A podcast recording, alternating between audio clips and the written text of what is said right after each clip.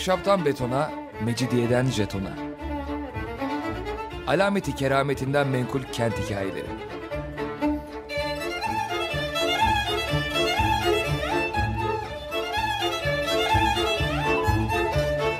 Hazırlayan ve sunan Pınar Erkan.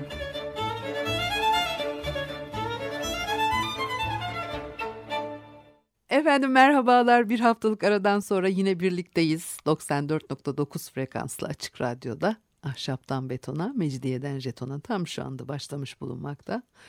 Anlatıcınız ben Pınar Erkan. Elektronik posta adresim pinarerkan.yahoo.co.uk. Bakalım bugün programımızda neler var. Bu hafta Mikenya'nın kazılışını anlatacağım size. Kazılar sırasında yaşanan ilginç olaylar, ee, daha önce Pompei'nin yok oluşunu ve sonra tekrar bulunuşunu anlatmıştım. Aynı gün bir adamın e, tılsımlı öyküsü de vardı programda. Şiliman adlı bir adam toprak katmanları altında kaybolmuş başka bir şehir bulmuştu. 19. yüzyılın sonlarında kazıların sonucunda çok önemli ve e, paha biçilmez hazineler çıkarılmıştı toprak altından.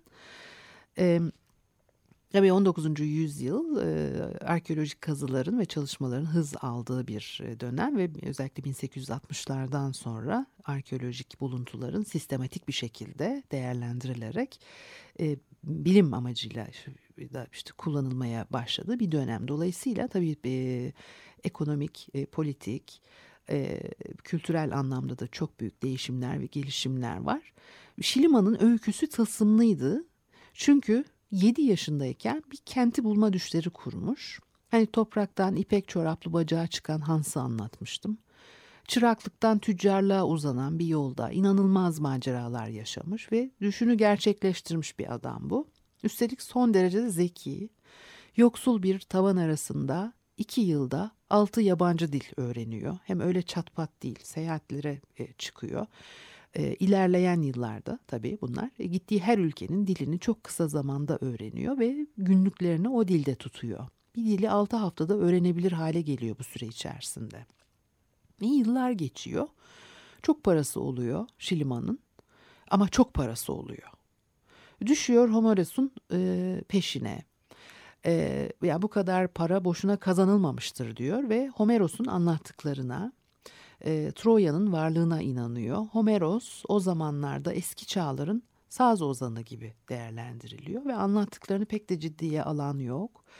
E, Homeros'un kendisinin bile varlığından kuşku duyuluyordu. E, edebiyat olarak değerlendiriliyordu o e, yazılanlar. Tarihi anlatan gerçek bir e, anlatı olduğu düşünülmüyordu. İlerleyen yıllarda kendisine ilk savaş muhabiri yakıştırması da yapılmıştır şaka yollu.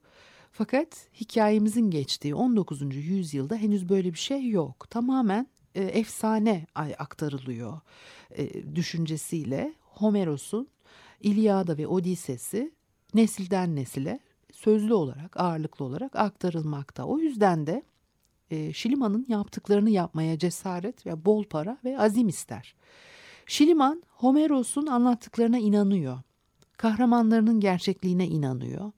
Troya'yı, Truva'yı bulmak için e, azimle ve inançla çalışıyor. Yani e, sonunda da buluyor, bir hazine buluyor. Priamos'un hazinesi ve Truva'dan bin yıl öncesine ait. Truva da orada ama e, Şiliman'ın zannettiği katmanda değil. Neyse uzatmış olmayayım. 4000 yıldır toprak altında bekleyen bir e, hazineyi buluyor Şilman karısıyla birlikte bulduklarını yurt dışına çıkarıyor. Şiliman bir hayalin peşinde koşuyor ve tutuyor onu. Geçen zamanlardan birinde anlattıklarımın özeti. Bu kez e, Şiliman'ın başka bir öyküsünü aktaracağım. E, Şiliman Priamos'un hazinesinden büyülenmiş. Şimdi başka hazineler arayacak. Herkes yine deli gözüyle bakacak ona. Bir hazine buldu. Bir adam ömründe kaç kere hazine bulur değil mi? Ama Şiliman'ın tılsımı buradan kaynaklanıyor. Agamemnon efsanevi Mikenya ve Argos e, kralı e, Helena'nın kız kardeşiyle evlendi. Üç çocuğu oldu ve Truva Savaşı'nda Yunanlıların başkomutanıydı. Truva yenilince ganimet payı olarak Kassandra'yı aldı ve 10 yıllık bir ayrılıktan sonra evine geri döndü. Orada da karısı ve karısının aşığı tarafından öldürüldü. İlyada ve Odise'de e, zaman zaman kibirli, zaman zaman kararsız bir kahraman olarak betimlenir. Değişik edebi eserlerde de e, farklı yorumları görülür. Neymiş? Mesela Euripides'e göre kaderin oyuncağıdır. Seneca'da duygulu, mert bir adam olur. Racine'de gözü yükseklerde ve e, ne istediğini bilen bir adamdır. Homeros'un anlatımına bakarak e, hani Truva'nın zengin olduğunu e, görüyoruz. Fakat Mikenya daha da zengin. Altın Mikenya olarak geçiyor. Şiliman Priamos'un hazinesini bulduktan sonra altın Mikenya'nın peşine düşüyor haliyle. E, Mikenya Yunanistan'da bir kent. E, Şiliman bu kez buraya gidiyor kazı yapmaya. Milattan önce 170 yılında Hosenias diye adamın biri buraları gezmiş, anlatmış. Güya biliniyor Mikenya'nın nerede olduğu. Truva gibi değil. Truva'nın nerede olduğunu bilen yoktu. Mikenya'nın bulunduğu yer besbelli. Ama tabii bin yıl geçmiş aradan ve üzeri kapanmış ve koyunlar otluyor. İlk çağ yazarları Şiliman'a burasını Agamemnonlar birlikte öldürülenlerin mezarı olarak göstermiş. Fakat Şiliman gene başının dikine gidiyor. Hiç de değil bir kere diyor. Bilim adamlarına karşı geliyor. Posenias'ın yazdıklarını siz yanlış yorumlamışsınız. Mezarlar orada olamaz, burada olmalı diye surların içini gösteriyor. Bilim adamları Şiliman'a kızıyorlar. Nereden sardık biz bunu başımıza diyorlar. Fakat gel gör ki Şiliman haklı çıkıyor yine. Ee, Ağustos 1876'da 63 işçiyle işe girişiyor. Olağanüstü çok sayıda vazo buluyorlar. Her yan vazo dolu. Sonra yuvarlak garip bir alana varıyorlar kazıda. Çift sıra dizilmiş taşların çevrelediği bir alan. Bu alan aradığı mezar alanı. Yuvarlak olmasının, taşlarla çevrilmesinin nedeni mezarların üstünün sonradan toplanma yeri olarak düzenlenmesi. Bir de Aslanlı Kapı var. Çok meşhurdur tabii Aslanlı Kapı. Sarayın baş kapısı. Buraya yakın bir hazine evi var. Orada da kazı yapıyorlar ama o ağır gidiyor. Molozlar katılaşmış. işte kırılmıyor kolayca. Şiliman burada çok değerli bir şeyler bulacağından emin. İlk buluntuların çok incelikli biçimleri, yapılışlarındaki güzellikleri ve malzemenin kalitesi onun bu fikrini güçlendiriyor. Üstelik bunlar e, Truva'da bulduklarından kat kat üstünmüş. Friz parçaları, e, boyalı vazolar, pişmiş topraktan hera heykelcikleri, taş kalıplar buluyorlar. Friz dediğim antik mimari bir öğedir. Binaların saçaklığına yakın kısmında, yatayda boydan boya devam eden süsleme kuşağına denir friz. Bazen düz olur, bazen de süslü olur. Başka sırlı topraktan süsler, cam boncuklar buluyorlar ve Şiliman bunların altında, altından gümüşten filan bir ev bulacağını ummakta. Agamemnon'un karısı adamı yemek sofrasında öldürüyor. Hem Agamemnon'u hem yanındaki arkadaşlarını öldürüyor. Buldukları yer onların mezarı. Truva savaştan geri döndü ya. Kazıya başladıktan dört ay sonra açıyorlar ilk mezarı. Sonra başka mezarlar da buluyor. Bunu Yunan kralına bildiriyor. İskeletlerin üzerinde hala et parçaları, bilezikler, süs eşyaları bulunmaktaymış. Şiliman günlüğünde bu gövdeler sözün tam anlamıyla mücevher ve altınla yüklüydü diyor. Ama yanılıyor Şiliman. Bulduğu Agamemnon'un mezarları değil. Onlardan 400 yıl daha eski mezarlar buluyor. Fakat bunun da bir önemi yok arkeoloji açısından. Çünkü asıl önemli olan silinip gitmiş tarih öncesine bir adım atılmış olması. Şiliman'ın buldukları en az aradıkları kadar değerli. Tabii bu adam çok başarılı bir adam. Tüccarlığı sırasında taş kalpli bilinirmiş. Acımasız bir tüccarmış. Zaten o kadar çok para yufka yüreğin becereceği bir iş değil. Ee, krallarla, bakanlarla mektuplaşan, görüşen, konuşan bir adam. Krallar gelip geziyor Mikenya'yı.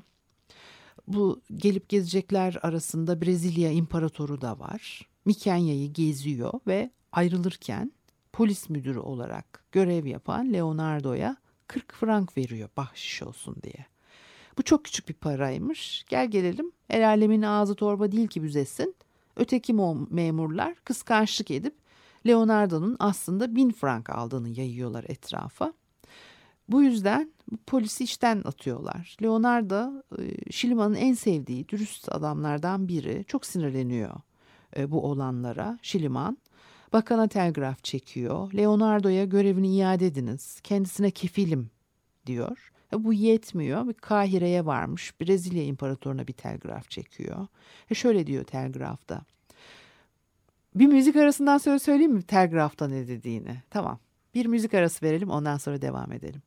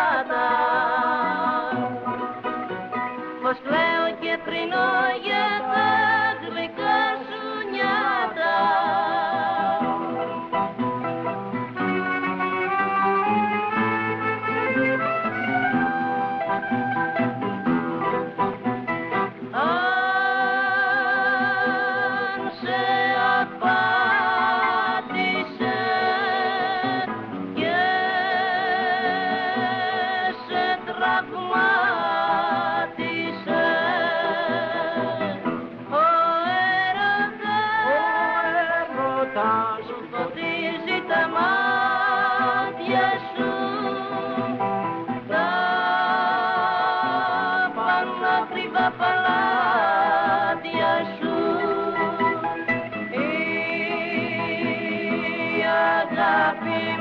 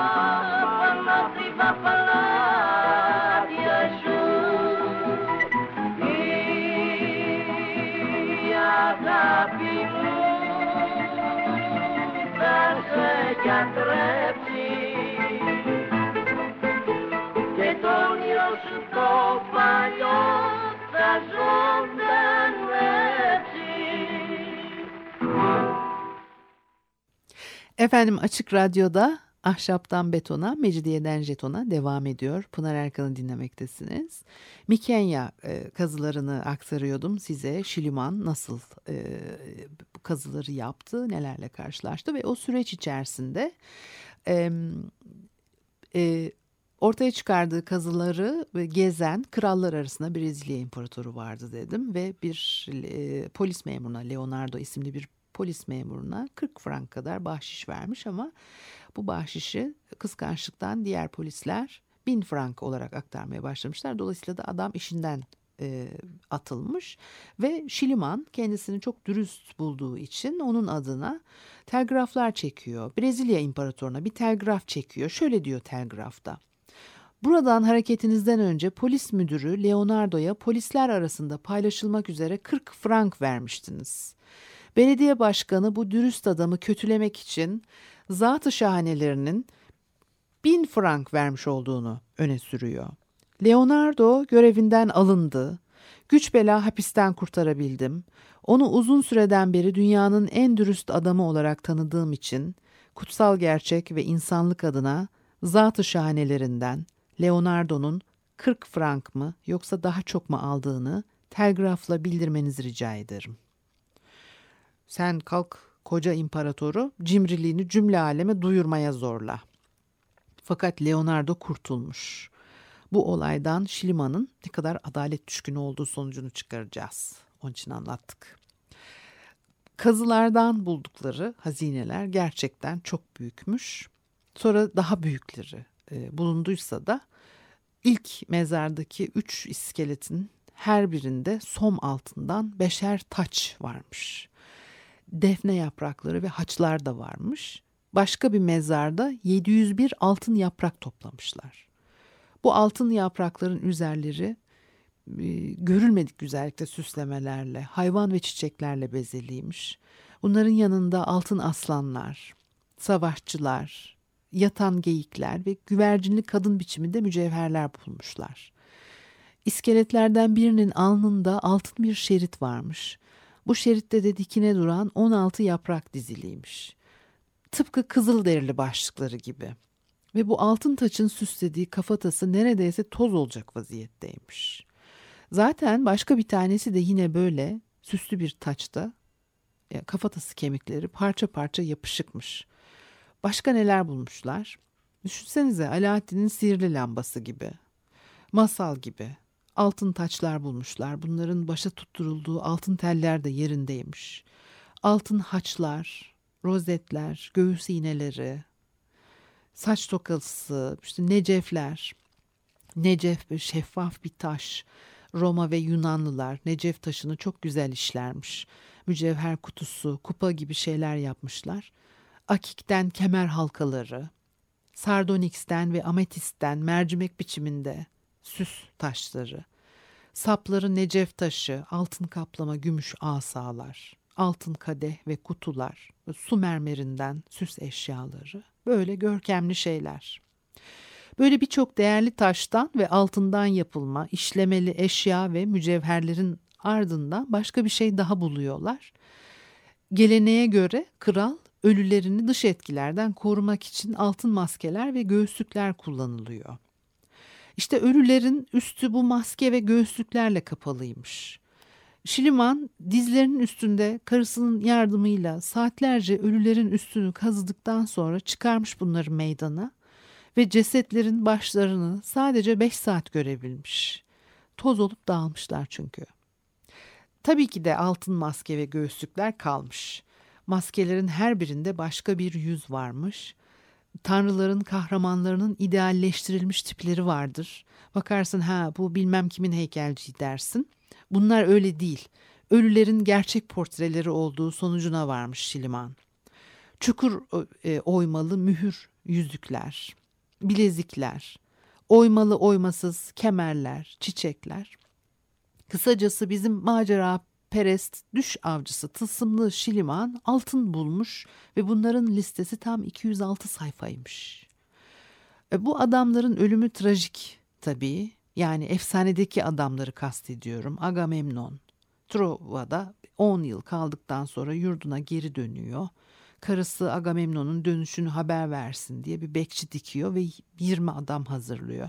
Sonra Agamemnon'u şölene çağırıyor fakat iyi niyetli değil. Agamemnon ve arkadaşları işte mezarların bulunduğu meydanda şölen sırasında öldürülüyorlar ve e, tragedyacılar bu olay üstüne çok sayıda çeşitlemeler yapmışlardır ve sayısız kere sahnelenmiştir bunlar. İşte öyle e, Şiliman akşam olup güneş batarken meydanda bir ateş yaktırıyor. 2344 yıldan beri ilk kez diyor günlüğünde. 2344 yıl önce aynı yerde yakılan karakol ateşi Agamemnon'un dönüşünü bildiriyordu karısına ve karısının sevgilisine. Ama bu kez ateş hazineye yaklaşacak hırsızları kaçırmaya yarayacak. E, Pompei'yi de alırsak içine Truva ve e, Mikenya kazıları 19. yüzyılın sonlarında çok büyük etki yaratıyor. Bu tür çalışmalar yeni yapılmaya başlanmış. Pompei de çok etkiliydi çünkü 1700 yıl öncesine ait bir Roma şehri üstü tamamen örtülmüş ve altından 1700 yıl öncesine ait şehri olduğu gibi buluyorsunuz. Dolayısıyla Pompei'nin yani çok önemli ve etkili sonuçları oradan yapılan araştırmalardan elde edilen bilgilerle Pompei'nin adamı başkasıydı Winkelmann'da onu geçeceğim. Ee, Schliemann çalışmaları dünyanın her yerinde yankı yaratıyor. Büyük girişimler çağı denen devrin başlangıcı ekonomik olarak parıldama devri. Ekonomik parıldama sanatsal ve tarihi parıldamayı da beraberinde alıp yükseltiyor. Yalnız burada çok fazla e, farklı dinamikler etkili. Bir kere daha altını çizmeliyim. Konuları ele alırken birçok etkenin etkili olduğunun farkındayım ama her birini sıralamaya olanak yok. Bu kazılar çok sancılı gerçekleştirilmiştir. Şiliman gerçek bir bilim adamı olmadığı için küçümsenmiştir. Koskoca Truva'yı kazmış çıkarmış. Truva koleksiyonunun en önemli parçaları Berlin'deki Tarih Müzesi'ne gidiyor. E, hazineler yıllarca orada duruyor ve bir büyük savaş geçiriyor. İkinci büyük savaşta bazı parçaları kurtarılıyor. Priamos'un hazinesi. Seramikler kısım kısım farklı yerlere gönderiliyorlar. Biri hariç hepsi yok oluyor. Lebus şatosuna gidenler arasında sağlam vazolar olduğu haberi geliyor. E, bir bilgin e, araştırma izni alıyor ama devlet desteği alamıyor. 25 kilo şeker sağlamış bir yerden e, şekerleme diyelim ya da çocuklara bunlar karşılığında eski seramikler getirmeye vaat ediyor. Çocuklar bir süre sonra daha çok seramik almak için bütün parçaları kırmaya başlamışlar. Fakat gene de sağlamları da gelmiş. Truvalıların kral soyundan kimselerin yiyip içtikleri kapkaçaklar bunlar. Köylülerin evlerinden getiriyor çocuklar. Anladığım kadarıyla savaş sırasında şato yağma ediliyor ve köylü işte öyle eline geçen işe yarar eşyayı alıyor, kullanıyor. Yani ne bilsin değerini, ne olduğunu. Bunun beteri varmış meğer. Sadece evlerinde kullanmakla kalmıyorlarmış. Savaş bitti, köyde yeni yaşam başladı ya. Köyde biri evleniyor diyelim. Gerdek gecesi bir, e, bir el arabası dolusu amforaları alıp getirip gelinle damadın kapı eşiğinde kırıyorlarmış. Sen al Priamos'un hazinelerini, 4000 yıllık testileri gelinle damat gerdeğe girdi diye çatlat patlat. Böylece Priamos'un hazinesi 1945'te yeniden yok edilmiş oluyor. Bir kısmı 25 kilo şekerle bir araya getiriliyor. Şimdi e, Şiliman'ı övecek değilim ama e, dünyanın ilerlemesine katkıda bulunanlar, tarihte küçük ayaklarıyla kocaman adımlar atanlar asla sessiz çoğunluktan çıkmıyor. Çok sıradan yaşamlardan muhteşem adamlar çıkmıyor. Ben herkesin kovalayacak bir düşü olması gerektiğine inanırım. Ne yazık ki köşeye kıstırılmış insanların kovalayacak düşleri olamaz. O yüzden Gri ceketlerinizin içinde kırmızı pantolon askılıkları takmaya bakın derim ben size. Kendinize sahip çıkın. Haftaya kadar nasıl bilirseniz öyle kalın. Görüşmek üzere.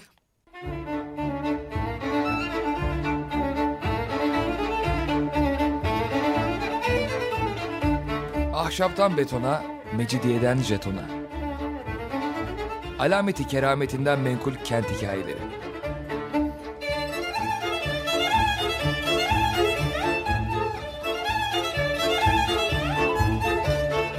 Hazırlayan ve sunan Pınar Erkan.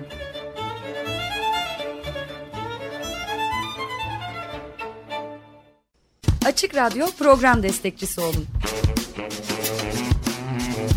Bir veya daha fazla programa destek olmak için 212 alan koduyla 343 41 41